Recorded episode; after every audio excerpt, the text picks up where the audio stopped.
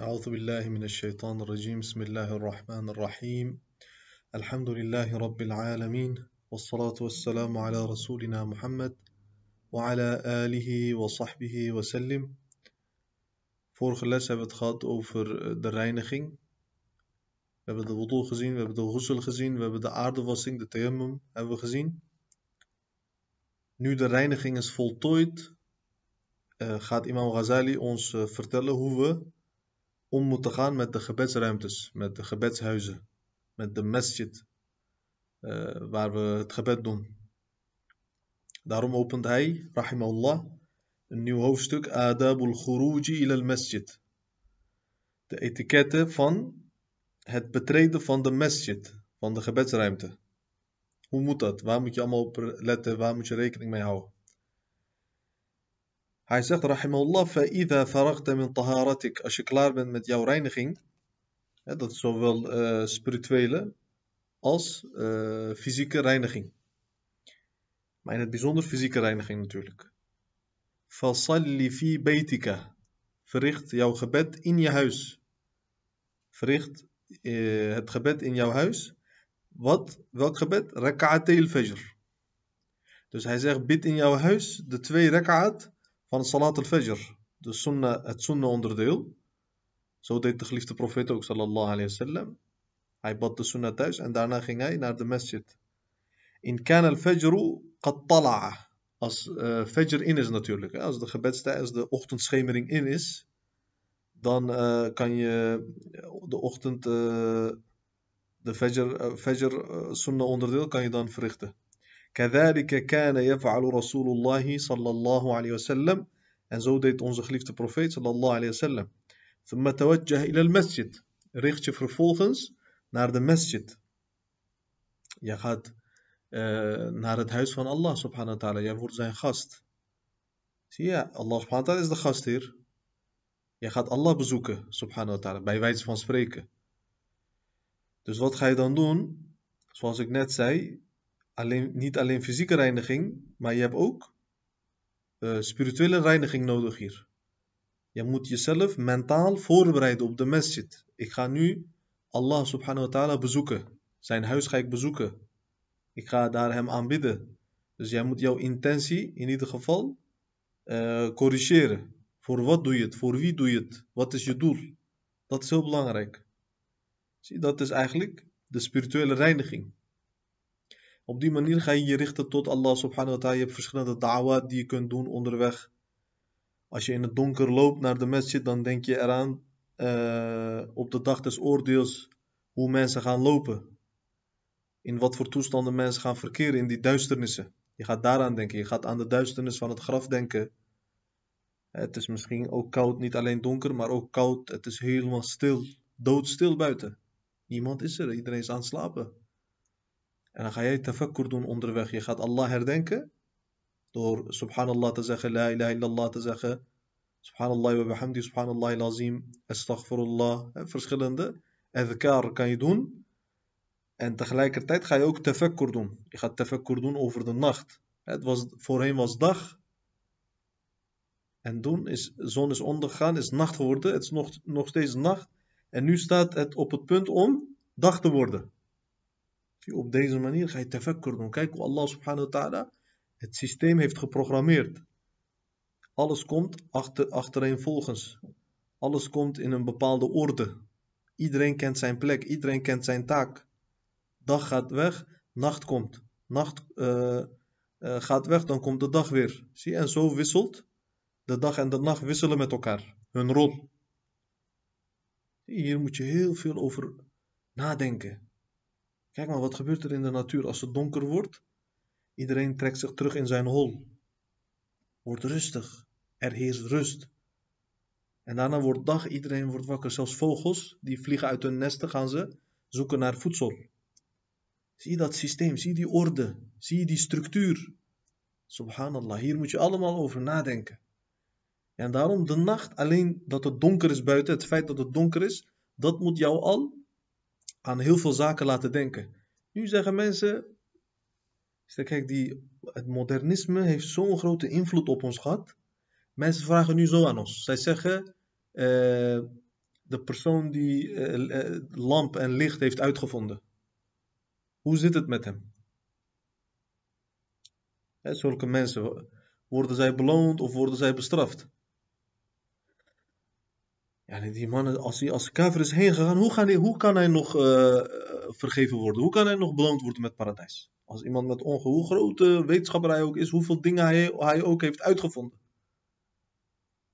Maar deze persoon staat er niet bij stil. Hij denkt niet, kijk, er is nu licht, oké, er is lamp, elektriciteit.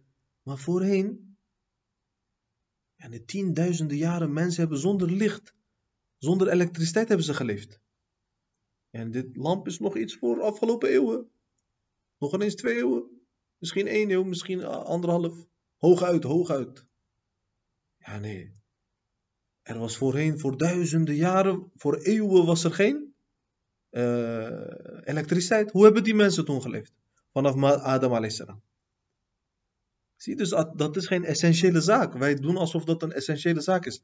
Modernisme heeft daar een essentiële zaak van gemaakt. Heeft daar een wezenlijk onderdeel van gemaakt, van het dagelijks leven. Het is geen wezenlijk onderdeel, het is geen essentie.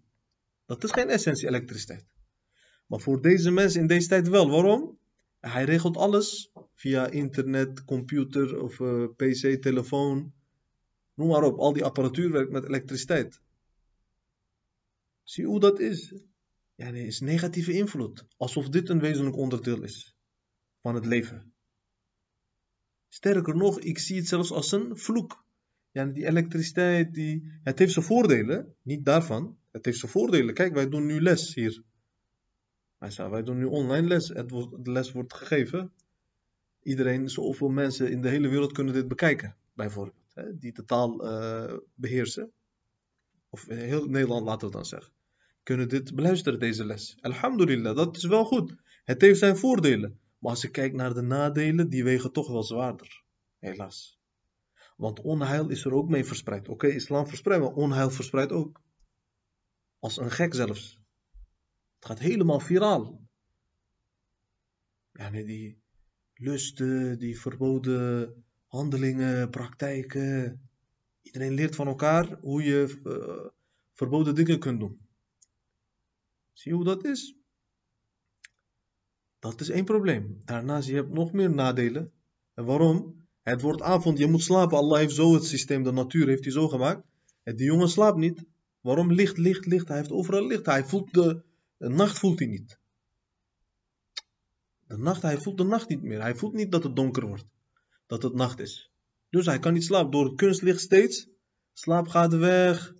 Die mensen worden mentaal worden ze aangetast. Ze worden depressief sommigen. Allemaal door kunstlicht door die telefoons, door die apparatuur, die device, devices die we gebruiken, zijn we allemaal, onze gezondheid is uh, aangetast, is negatief beïnvloed.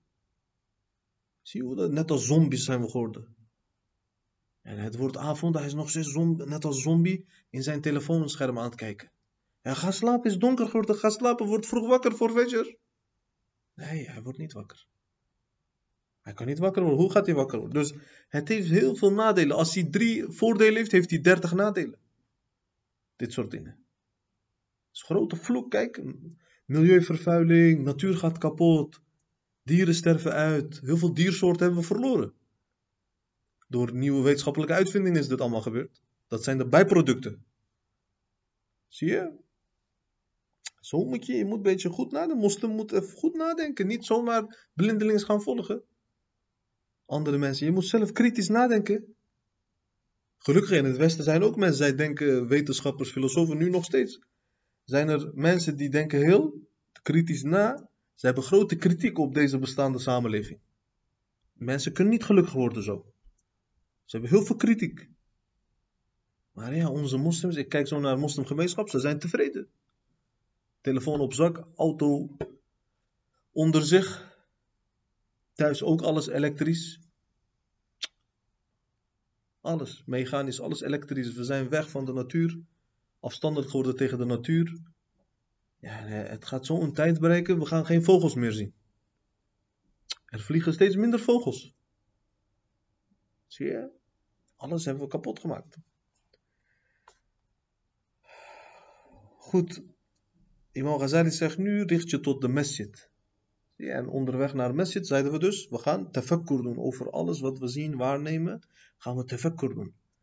als je op straat loopt, je moet denken, ik loop nu eh, op de dag des oordeels, loop ik nu ook uit mijn graf richting de afrekening, afrekeningsplaats. Naar de kassa. Ik ga naar de kassa. Ze gaan mij verrekenen. Mijn daden, slechte, goede daden, beloningen, zonden. Worden allemaal verrekend, afgerekend. Zo moet je nadenken. Als je naar masjid gaat. Zie je, dat heeft allemaal grote impact op je. ولا تضع الصلاة في جماعة. إمام غزالي سيخت لا تخبت كولكتيف خبت نويت خان زيختي فرلات دوت نويت. لا سيما صلاة الصبح. إن هت بيزوندر هت أختن خبت.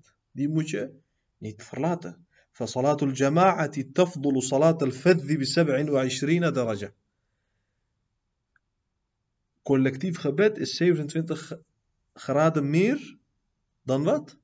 دان individual خبت. Is voortreffelijker. Collectief gebed is voortreffelijker. Zie vooral als dat ook nog eens ochtendgebed is. Ochtend en Aisha gebed. Professor Lassem zegt, als jullie de voortreffelijkheid, de beloning van de ochtend en nachtgebeden, Aisha dus, bedoel, nachtgebed. Aisha en Fajr, als jullie die wisten, de beloning en voortreffelijkheid ervan, om in masjid te bidden, dan zouden jullie kruipen naar masjid gaan. Als het moest, jullie zouden zelfs kruipen. Maar nu na Maghrib wordt de moskee dichtgegooid en dan gaat hij pas zoger open. Meeste moskee. Gelukkig er zijn nog moskeeën waar Fajr, Aisha worden gedaan, maar heel veel ook niet, vooral in zomerperiode, wordt gewoon op slot gegooid. En als hij open is, dan zijn maar hooguit vijf mensen. Vier, vijf mensen, hooguit is heel jammer dit, heel jammer. Zie je? Kijk, deze beloningen die klaarstaan, klaar gemaakt zijn voor, voor de mensen die Aisha en uh, Sobah Fajr gebeden uh, in de moskee doen gezamenlijk. Vrouwen bidden in de uiterste hoek van hun huis. Dat is voor hun heel voortreffelijk. Wat is voor de man voortreffelijk? In de moskee bidden. Wat is voor de vrouw voortreffelijk? In de diepste hoek van haar huis bidden. Dat is voor haar voortreffelijker. Nu is het andersom. Vrouwen willen graag naar de moskee, mannen willen thuis zitten. Allahu Akbar. Het is precies omgekeerd geworden. Lastig. Zie zo heeft onze geliefde profeet gezegd, sallallahu alayhi wasallam. Salatul jama'a is heel belangrijk. Je moet de jama'a niet verlaten. De groep moet je nooit verlaten. Nooit. Daarom, uh, Abdullah ibn Mas'ud, radiyallahu anhu, hij zegt, een van ons als de ezaan werd gelezen en we gingen naar de moskee lopen, naar de masjid gingen we lopen, wij zagen soms, er waren zulke zieke mensen of oude mensen, zij hadden geen kracht om te lopen. Ze werden door twee andere mannen werden ze eh, vastgehouden en zo werden ze gesleept naar de moskee. Hij wil zelf, hij wil zelf de, uh, het gebed niet missen. Daarom zegt hij, sleep mij mee, neem mij mee. Allahu Akbar. Wat een wat voor mensen waren dat, die sahaba? Radiyallahu anhu ajma'in. Daarom Hassan al-Basri zegt toch, hij zegt tegen zijn eigen tijdgenoten. Hij is de tweede generatie, Hassan al-Basri. Rahimahullah. Hij was op jonge leeftijd, heeft die sahaba ontmoet. Heel op jonge leeftijd. Hij zegt als, tegen zijn eigen tijdgenoten, laat staan onze tijd. Hij zegt, als jullie de sahaba zouden, hadden gezien, dan zouden jullie zeggen dat zij krankzinnigen zijn. Dat ze gek zijn. Gek, gek. Ze hebben hun verstand verloren, deze mensen. Wat doen ze allemaal? Kijk. Zo zouden jullie zeggen. En als zij jullie zouden zien, dan zouden ze zeggen: deze mensen zijn geen moslim. Wat voor moslims zijn dit? Deze zijn christen of zo, joden. Welke moslim? Subhanallah. Zie je, subhanallah. Daarom is het zo belangrijk om naar Jamaat te gaan. Want als de schaap weggaat van de kudde, wat gebeurt er dan? Wordt hij opgegeten door de wolf. Deze uitdrukking ken je, ken je toch? En waarom is dit gezegd? Dit is een universeel, universele uitdrukking. Komt bijna in elke taal voor. Zo een uitdrukking of een soortgelijke. Als je weggaat van de groep, word je opgegeten. Waarom is dit gezegd? Het is eigenlijk uitspraak van de profeet sallallahu alaihi wasallam. Mensen hebben van hem overgenomen. Het is wijsheid. Als je alleen bent, dan ben je nog meer vatbaar voor gevaren, voor schade. Je riskeert heel veel dingen als je alleen bent. Zelfs met roverij, als mensen een groep zien, dan durven ze niet eh, te beroven. Als ze een groep zien, als dieven een groep zien, durven ze niet te beroven. Als ze weten in een huis zijn meerdere mannen, dan durven ze niet dat huis binnen te gaan. Zie je? En zo is dat. Daarom profeet sallallahu alayhi wasallam zegt, Shaitan kan niet uh, op tegen een groep moslims. Dus als je met twee of drie of meer mensen bent, shaitan kan niks doen. Ben je in je eentje, dan kan shaitan invloed uitoefenen. Zie je hoe dat is? Daarom, je moet de groep nooit verlaten, maar de correcte, goede groep natuurlijk. Hè? Ja, ik heb ook groep. Welke groep is dat? Uh, bij mij, daar heb je club, voetbalclub. Ik ben met hun. Allah, heb ik nu dit gezegd tegen jou? Waar heb ik het over? Waar heb jij het over? Ik heb over groep die bidt, die vergaart kennis, die leest Koran. Ik heb over deze groep. Niet over jouw uh, voetbalgroep. Subhanallah, ik heb WhatsApp groep. Ik heb dit groep, dat groep. Ik heb niet daarover. Zie je? Kroeg, weet ik veel wat. In het weekend gaan ze uit, gaan ze biljarten, darten, weet ik veel wat allemaal. Is dit groep? De jama'a waar de profeet het heeft, over heeft, sallallahu alayhi wasallam, is de jama'a die jou beschermt tegen het hellevuur, tegen de shaitaan, tegen de listen van iblis, tegen jouw ego. Die jou goed advies geeft, die jou helpt als je in problemen terechtkomt. Dat is jama'a. Zie je, maar die hebben wij verloren nu, helaas. Toen ik klein was, toen ik nog heel klein was, jong was, ik weet nog, als het Eid werd, als het feest was of het was vrijdag, mensen gingen elkaar bezoeken. Ook buiten feestdagen, mensen gingen elkaar intensief bezoeken. Iedereen hield nauw contact met elkaar. Als iemand niet naar de moskee kwam, ik weet nog heel goed. Ik kan me nog heel goed herinneren, 20 jaar terug. 20 jaar terug. Ja, nee. Wat gebeurt er als bijvoorbeeld iemand die regelmatig komt naar de moskee, als hij afwezig is, één dag, meteen de imam of die andere mensen daar, van de voorzitter van de moskee of iemand anders, met uh, functie of wat dan ook, die ging gelijk bellen. Die persoon, waar? Salam alaikum. Toen had je ook geen mobiele telefoon. Of je had wel, maar misschien die oude telefoon, hele oude telefoons. Voornamelijk, ja, niet iedereen had uh, mobiel in ieder geval. Gingen ze met huistelefoon, gingen ze bellen naar huis. Zeiden ze, waar is Haji? Of waar is dit, waar is dat? Waarom is hij niet gekomen vandaag? Is hij ziek of is er iets? Zo werd dat gedaan. Dat was vroeger zo. Ik heb dit allemaal meegemaakt. Maar er is de afgelopen 10, 15 jaar zoveel veranderd. Subhanallah. Zoveel door die tv-series. Deze mensen kijken naar tv-series, naar films, Netflix, games. Mensen hebben geen contact meer met elkaar. Zijn buren zijn dood daar, gestorven. Hij weet het niet. Ze hebben geen contact met elkaar. Familierelaties zijn verbroken. Families spreken elkaar niet meer. Families. Hij is familie van elkaar, hij spreekt elkaar niet meer. Er is veel fitna gekomen, veel fitna. Gedragingen van mensen zijn heel slecht geworden. Zie je, afgunst is verspreid. Show is verspreid. Nu gaan mensen uh, bij elkaar eten. Ze maken foto's, gaan ze delen op sociale media. Wat krijg je dan? je hebt andere families, ze hebben die mogelijkheid niet. En dan gaan ze afgunnen. Zie je? Iemand gaat trouwen, hij maakt er een hele show van. Subhanallah, oké, je bent getrouwd, leuk, maar hij maakt een hele show. Hele show wordt van gemaakt. Allahu Akbar. Hij krijgt kinderen, hij maakt een hele show. In plaats van shukr te doen aan Allah, sadaqa te geven, offer te slachten. Hele show. Ballonnen, taarten, dat, en fluitjes, trompet, dat, dat, dat. Subhanallah. Ja, nee. Op deze manier, wat gebeurt er? En mensen gaan elkaar afgunnen, ze gunnen het elkaar niet meer. Waarom? Verspilling is verspreid onder de mensen. Als er ergens verspilling komt en showen, pronken komt, deze twee. Dit gaat altijd samen sowieso. Want om te kunnen showen moet je verspillen. En meestal mensen verspillen omdat ze showen. Zie je, is onlosmakelijk verbonden met elkaar, deze twee dingen. Als je dit in één samenleving, in één volk krijgt, wat gebeurt er? Daar verspreidt afgunst, haat, jaloezie. Eh, wat gebeurt er nog meer? Liefde gaat weg, respect gaat weg. Alles gaat weg. Zie je hoe dat is? Ja, nee. Nas'alullah al-afwa wal-afia. is echt een groot probleem. Er is geen sociaal leven meer. Mensen spreken elkaar niet meer. Ze hebben geen contact meer met elkaar. Ik heb één keer meegemaakt. Eén broeder, hij uh, appt steeds. Via WhatsApp, hij appt met iemand. En uh, als hij bij elkaar komt, ja, ze komen bij elkaar, ze spreken niet met elkaar. Ja, ze praten helemaal niet. Dus ik zeg tegen hun, jullie hebben elkaar lang niet gezien. Waarom jullie praten niet met elkaar? Jullie hebben geen contact meer met elkaar. Die ene jongen zegt, eh, we hebben alles uitgesproken via WhatsApp. Ja, nee, ze hebben misschien elkaar één jaar niet gezien. Ze hebben eigenlijk zoveel te vertellen aan elkaar. Dan komen ze in de zoveel tijd bijeen, spreken ze elkaar niet, ze praten niet. Ik praat alleen. Ik zeg, ik zie jou ook altijd, hem zie ik, hem zie ik ook vaker. Ja, jullie zijn samen hier bij elkaar gekomen eindelijk. Jullie praten niet met elkaar. Die jongen zei zo tegen mij. Hij zegt, in, met WhatsApp hebben we alles al uitgesproken. We praten altijd met WhatsApp. Is gezellig, maar als we nu bijeenkomen, dan weten we even niet meer wat moesten we praten. Subhanallah. Zie je wat die uh, sociale media, wat, voor, wat die apps met ons hebben gedaan?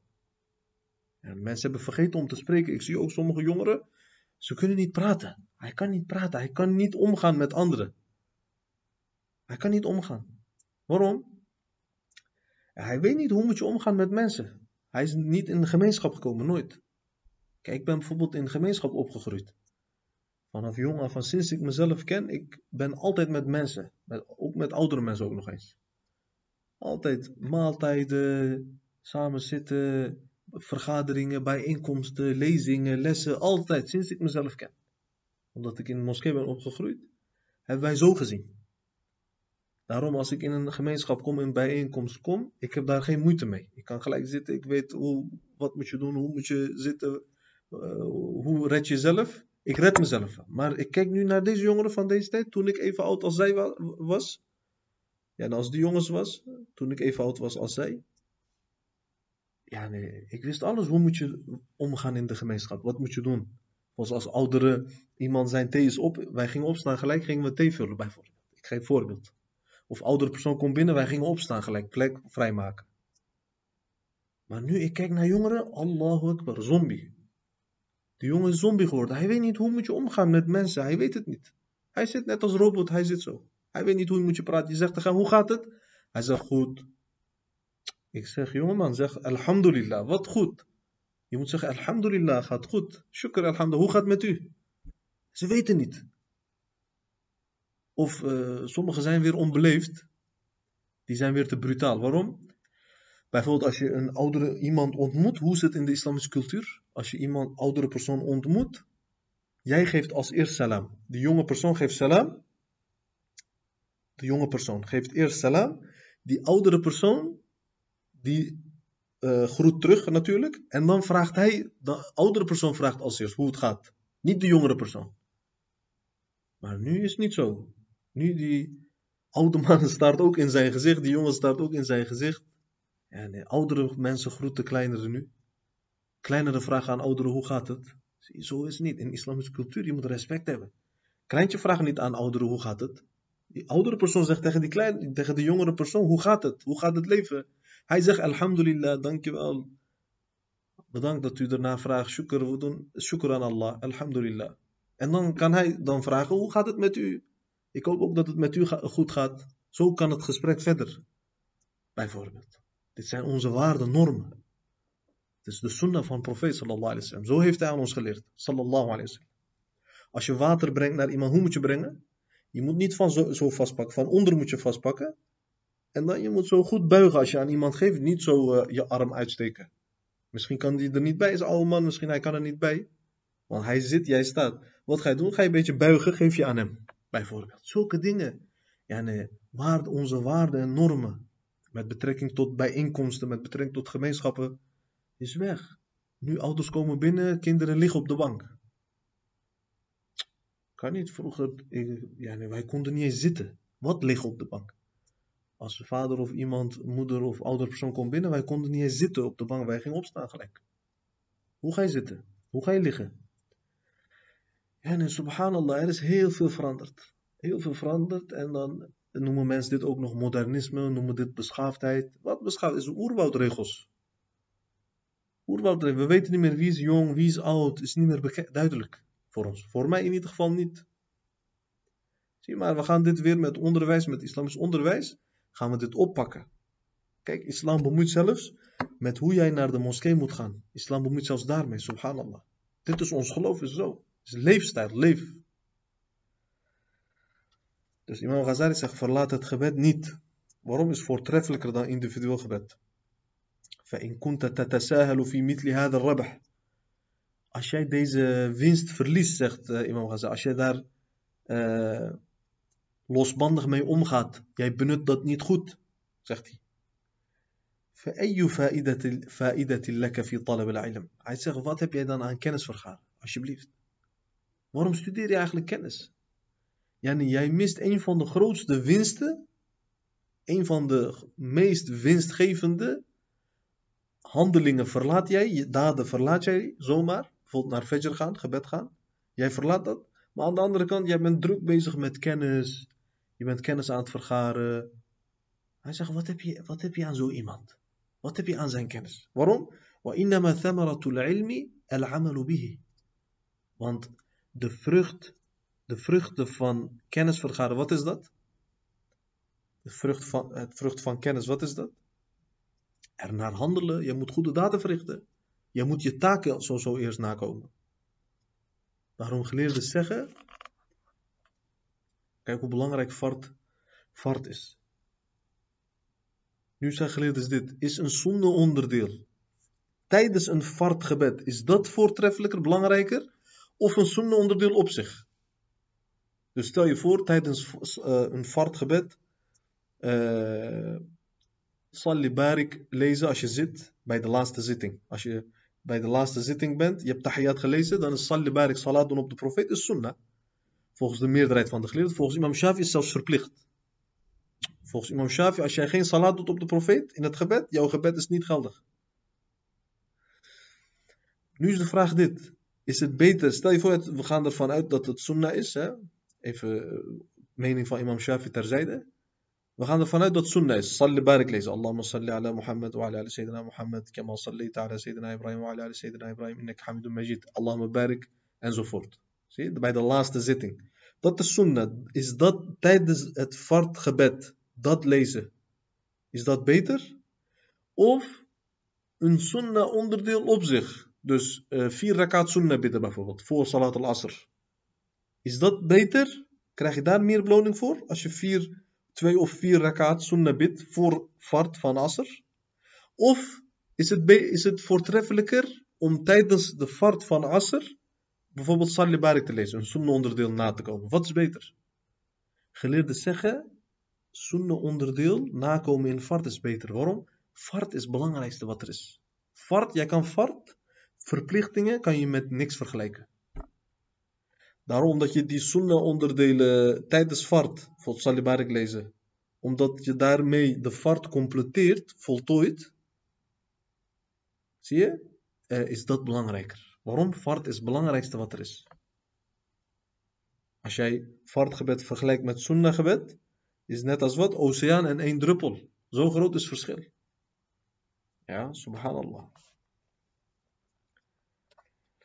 فإذا سعيت إلى المسجد Imam Ghazali zegt als je gaat naar uh, de moskee je bent aan het lopen فامشي على هينة وتؤدة ولا تعجل loop rustig in rust rustig geen haast niet haasten niet snel maar cool zijn zie je moet cool zijn je moet rustig zijn want profeet sallallahu heeft dat verboden gemaakt Eén keer ze waren aan het bidden een groep kwam te laat paar mensen, gingen ze pat, pat, pat, pat, heel snel gingen ze rennen en lawaai maken. En zo gingen ze bidden. Profeet Lassem zei na het gebed, hij hoorde dat lawaai toch? Hij zei, als een van jullie te laat komt, laat hem dan rustig komen, rustig aan. Want je gaat voor Allah staan, je moet met rust komen. Je moet cool komen, niet haastig en uh, uit adem. Zie je? Rustig komen en dan, mission rekat, dan haal je dat in. Geef niet. Islam is makkelijk, eh, islam heeft makkelijk gemaakt. Als je rakaat mist, dan haal je imam geeft salam, haal je die ene in. Maar niet rennen. Zie je, niet haasten. Je moet uh, cool en rustig moet je gaan. Wa fi tariqik. En onderweg, als je naar masjid gaat, kan je zeggen, kan je deze dua doen. Kijk hoe mooi deze dua is, subhanallah. Allahumma inni as'aluka. O Allah, ik vraag u, bihaqqis sa'ilina alik. Omwille van degene die vragen van u. en omwille van de vragers vraag ik van u. Allah. Wa bihaqq raghibina ilik. En degene die uh, verlangen naar u Namens hen, of uh, omwille van hen, vraag ik van u. Omwille van wie? Omwille van de verlangens naar u. Zie je? وَبِحَقِّ مَمْشَايَ هَذَا إِلَيْكَ En omwille van mijn loop. Dus dat ik nu kom naar u, stap voor stap, ik kom naar u. Omwille van dit vraag ik van u. فَإِنِّي لَمْ أَخْرُجْ Ik ben niet uit mijn huis gegaan. أَشَرًا وَلَا بَطَرًا وَلَا رِيَاءً وَلَا سُمْعَةً Ik ben niet uit uh, hoogmoed, uit valsheid, door een slechte intentie of door te showen, door te pronken. Ik ben niet met deze redenen uit mijn huis gegaan. Bel, integendeel, kharajtu tiqa'a saqatik. Ik, ik heb mijn huis verlaten om naar moskee te gaan, toch? Voor wat? Om mezelf te beschermen tegen uw bestraffing. Zie je? Tegen uw ontevredenheid. Wabtiga'a mardatik. En om uw tevredenheid te verkrijgen, om daarnaar te streven. فأسألك أن تنقذني من النار وأن تدخلني الجنة. Ik vraag u om mij te redden uit de hel en het paradijs binnen te laten treden. Kijk hoe mooi deze dua is, subhanallah. وأن تغفر لي ذنوبي en dat u mijn zonde vergeeft. فإنه لا يغفر الذنوب إلا أنت. Want niemand anders dan u kan mijn zonde vergeven. U bent de enige, u bent de koning. Vergeef mij alstublieft. Ik ben een arme dienaar, een zielige knecht. Die heeft zijn warme bed verlaten, die heeft zijn slaap verlaten, onderbroken. Die heeft zijn rust verlaten, zijn huis verlaten, om naar uw huis te gaan en u daar te aanbidden, te prijzen, te vereren. Ja, nou als iemand zo gaat, deze persoon, wie dit allemaal kan doen in deze tijd, die persoon is engel. Hij wordt engel. Hij houdt geen zondes meer over. En ook al doet hij overdag van die kleine zonde, wordt vernietigd. Ja. Met zulke mooie daden wordt het vernietigd, die zonde. Zie je hoe mooi deze is, hoe prachtig deze handelingen zijn. Er zijn zulke dienaren nog, alhamdulillah. Er zijn zulke dienaren, zulke mooie dienaren zijn er. En deze mooie dienaren zijn echt uh, waardevolle mensen zijn dat. Dat zijn echt de mooie mensen. Mogen Allah subhanahu wa ta'ala ons laten behoren tot deze prachtige mensen. Subhanaka Allahumma bihamdik. Ashhadu an la ilaha illa ant. Astaghfiruka wa atubu ilayk. اللهم صل على سيدنا محمد وعلى آله وصحبه وسلم